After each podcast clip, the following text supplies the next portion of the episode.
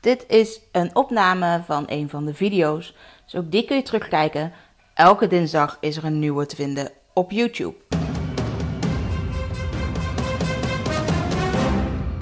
Charlotte, de privacyjurist van Nederland.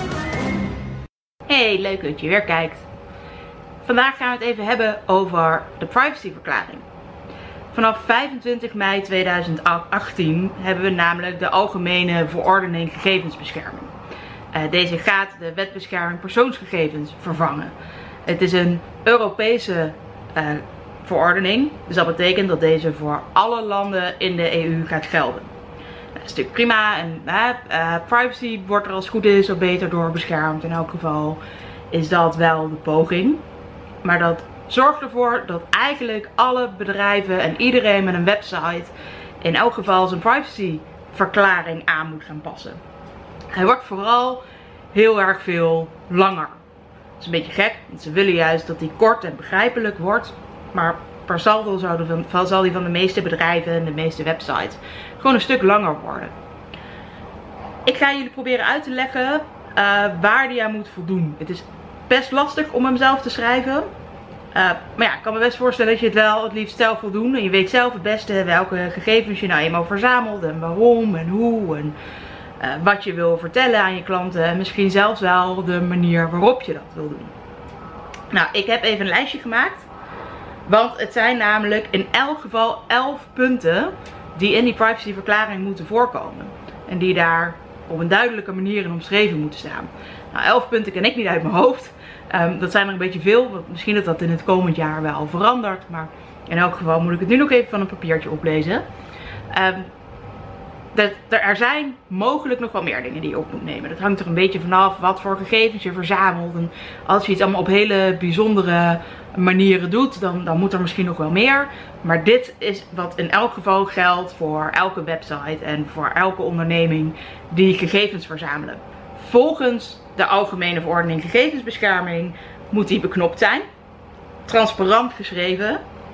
Um, in een begrijpelijke vorm en in een gemakkelijk toegankelijke vorm geschreven zijn. Dus meestal is het eigenlijk, ja ik heb het al over schrijven, maar dat is eigenlijk ook wat ze bedoelen. Hè? Zorgen dat het op schrift staat of eventueel zou een andere vorm, zoals een video ook mogen. Maar iedereen moet hem wel kunnen zien en kunnen begrijpen voordat ze nou ja, soms voor het akkoord gaan. Hè? Meestal zul je om toestemming vragen om gegevens te verzamelen. Daarnaast moet het in een duidelijke en eenvoudige taal geschreven worden. Er zijn zelfs mensen die zeggen, joh, laat het nou maar schrijven door iemand van de marketingafdeling en laat het vervolgens de juristen controleren. Nou, dat is een mooi idee. Krijg je alleen wel heel vaak dat bij heel veel bedrijven dat ze dan zeggen, ja, maar uh, marketing en legal, die hebben altijd ruzie. En marketing wil eigenlijk alleen maar het stempeltje halen bij legal. En legal zegt eigenlijk altijd nee tegen marketing. Jongens, zorg nou even voor een goede samenwerking. Het kan dus ook, hè, als je helemaal niet zo'n groot bedrijf hebt en geen aparte marketingafdeling hebt, maar dat je toch zegt, ja, ik wil het nou eenmaal wel in mijn eigen stijl geschreven hebben.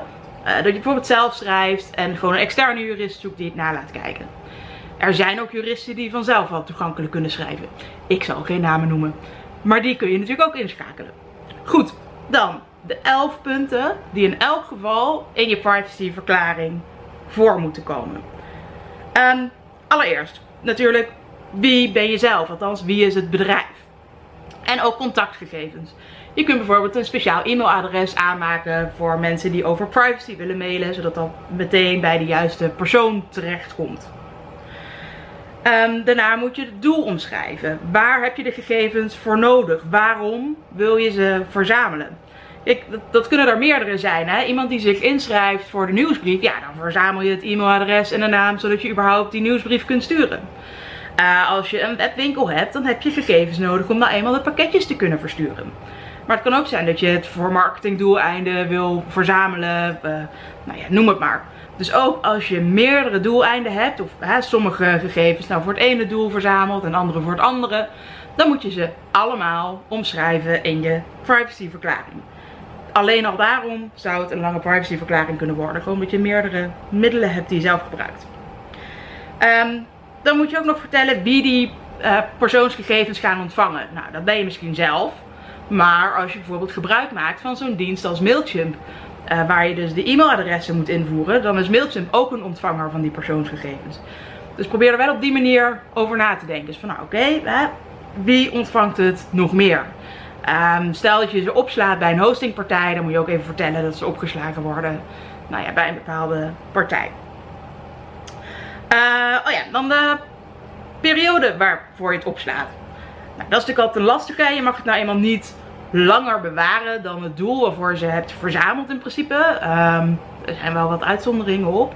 Maar je mag niet zeggen in elk geval, ja, eeuwigdurend. Ik blijf gewoon die gegevens houden zolang als ik wil, want nou ja, wat voor reden dan ook. Nou, soms weet je van tevoren al hoe lang je het gaat bewaren. Simpelweg omdat je systeem op die manier is ingericht.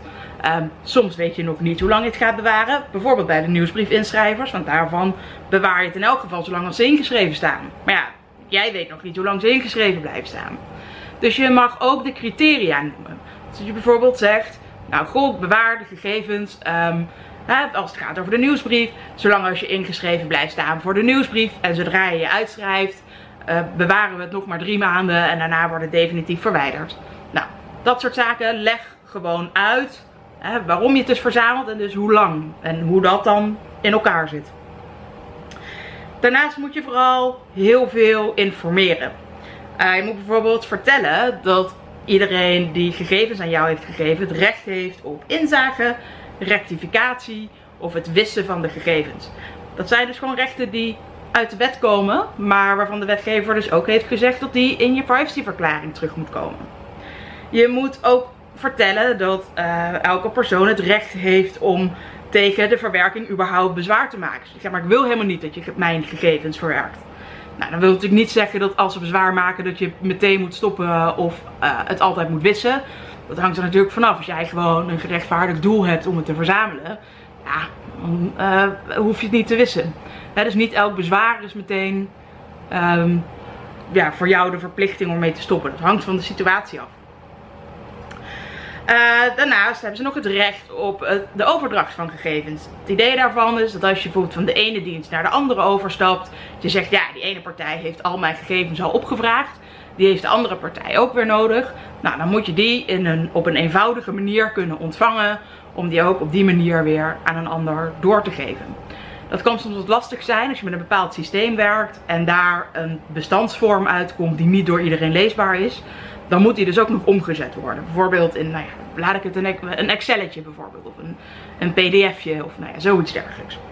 Het moet in elk geval voor iedereen leesbaar zijn. En dat moet dus makkelijk door te geven zijn aan een andere partij die daar dan ook weer mee aan de slag kan. Um, dan hebben we het nog het recht op het intrekken van uh, de toestemming voor het verwerken van de gegevens. En soms heb je natuurlijk gewoon een gerechtvaardigd doel om gegevens te verwerken. Of als je bijvoorbeeld een webwinkel hebt, ja, dan is het logisch dat je gegevens verwerkt. Anders kun je het pakketje niet opsturen. Maar zoals um, bij zoiets als een nieuwsbrief of um, nou, iets anders. Hè, dat je zegt, ja goed, eerst toestemming geven en dan gaan we pas verwerken. Als iemand zegt, ja ik geef nu de toestemming niet meer. Uh, hè, die moet die kunnen intrekken alles wat je tot aan dat moment dan al hebt verzameld en hebt verwerkt, dat was dan gewoon rechtmatig. En dat mag je in principe dus ook bewaren. Afhankelijk van hoe lang je hebt gezegd dat je het wil bewaren. Uh, maar dan zegt die persoon dus eigenlijk vanaf dat moment mag je mijn gegevens niet meer verzamelen. Dus nou ja, alles wat er in principe nieuw bij zou kunnen komen bijvoorbeeld. Uh, dan hebben we nog dat je moet informeren over het recht van iedereen om te mogen klagen bij de autoriteit persoonsgegevens. En dat is dus weer gewoon zo'n recht dat uit de wet komt, maar waar je wel over moet informeren.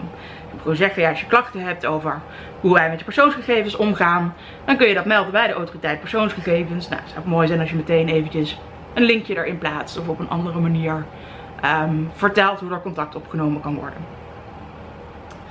Um, daarnaast moet je ook nog vermelden of er misschien wel een wettelijke of een contractuele verplichting staat, bestaat om die gegevens te verwerken, de persoonsgegevens te verwerken. Of dat het verwerken van de persoonsgegevens een voorwaarde is om überhaupt een overeenkomst te kunnen sluiten. Um, en dan moet je ook nog vertellen of jij als, uh, of dat je de betrokkenen, degene van wie de persoonsgegevens zijn, of die dus verplicht is de gegevens te verstrekken. En wat eventueel de consequentie is als ze dat niet doen. Nou, weer even het voorbeeld van een webwinkel. Um, ja, de het is eigenlijk een voorwaarde hè, om die gegevens te verstrekken. Anders kan er niks gekocht worden. En ehm, als ze dus die gegevens niet verstrekken, ja, dan kan simpelweg het pakketje niet opgestuurd worden. Zo simpel is dat. Maar ja, daar moet je dus wel over informeren. Kan dus ook zo kort en bondig als ik het nu eigenlijk ook vertel. Uh, dan het allerlaatste, het eventuele bestaan van um, geautomatiseerde besluitvorming. Bijvoorbeeld een kredietcheck. je vraagt soms, um, je wil soms weten of je wel veilig aan iemand je pakketje op kunt sturen. Ze moeten immers ook uh, bijvoorbeeld 50% achteraf kunnen betalen. Ja, dan wil je wel zeker weten dat iemand ook daadwerkelijk gaat betalen. Uh, of als je profielen aanmaakt van alle gegevens gezamenlijk. Um, dan moet je dus ook vermelden. Um, dus als dat er is, moet je melden dat dat er is. En moet je ook vertellen wat eventuele gevolgen zijn van bijvoorbeeld die geautomatiseerde besluitvorming. Dat is eigenlijk het allerbelangrijkste wat je moet vermelden in een privacyverklaring. Um, wees gewoon zo duidelijk mogelijk. Schrijf het zo eenvoudig mogelijk op. Uh, zodat iedereen die het leest het kan begrijpen. Maak er absoluut geen wollige taal van. Zorg ook dat het eenvoudig terug te vinden is op de website. Dus bijvoorbeeld altijd in de footer van de website. Daar gaan mensen ook altijd zoeken. Um, die is vanaf elke pagina bereikbaar.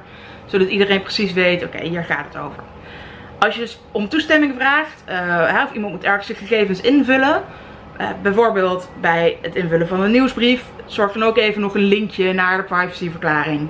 Zodat je mensen kunt informeren over wat er nou gebeurt met die gegevens. Eh, alleen maar dat ze op je website staan is in dat geval gewoon niet meer genoeg. Mensen moeten dus weten waar ze precies toestemming voor geven. En naar wie dus inderdaad die gegevens gaan. Uh, dus dan is alleen maar het vinkje ik geef toestemming niet genoeg. Dan moet er ook meteen een linkje bij staan uh, naar de privacyverklaring zelf. Nou ja, dat is eigenlijk het belangrijkste. Je hebt nog net iets minder dan een jaar om hiermee aan de slag te gaan. Uh, dus ik zou zeggen, doe nog wat extra uitzoekwerk. Heel veel succes met schrijven. En als je toch nog hulp nodig hebt, dan weet je me te vinden. Veel succes!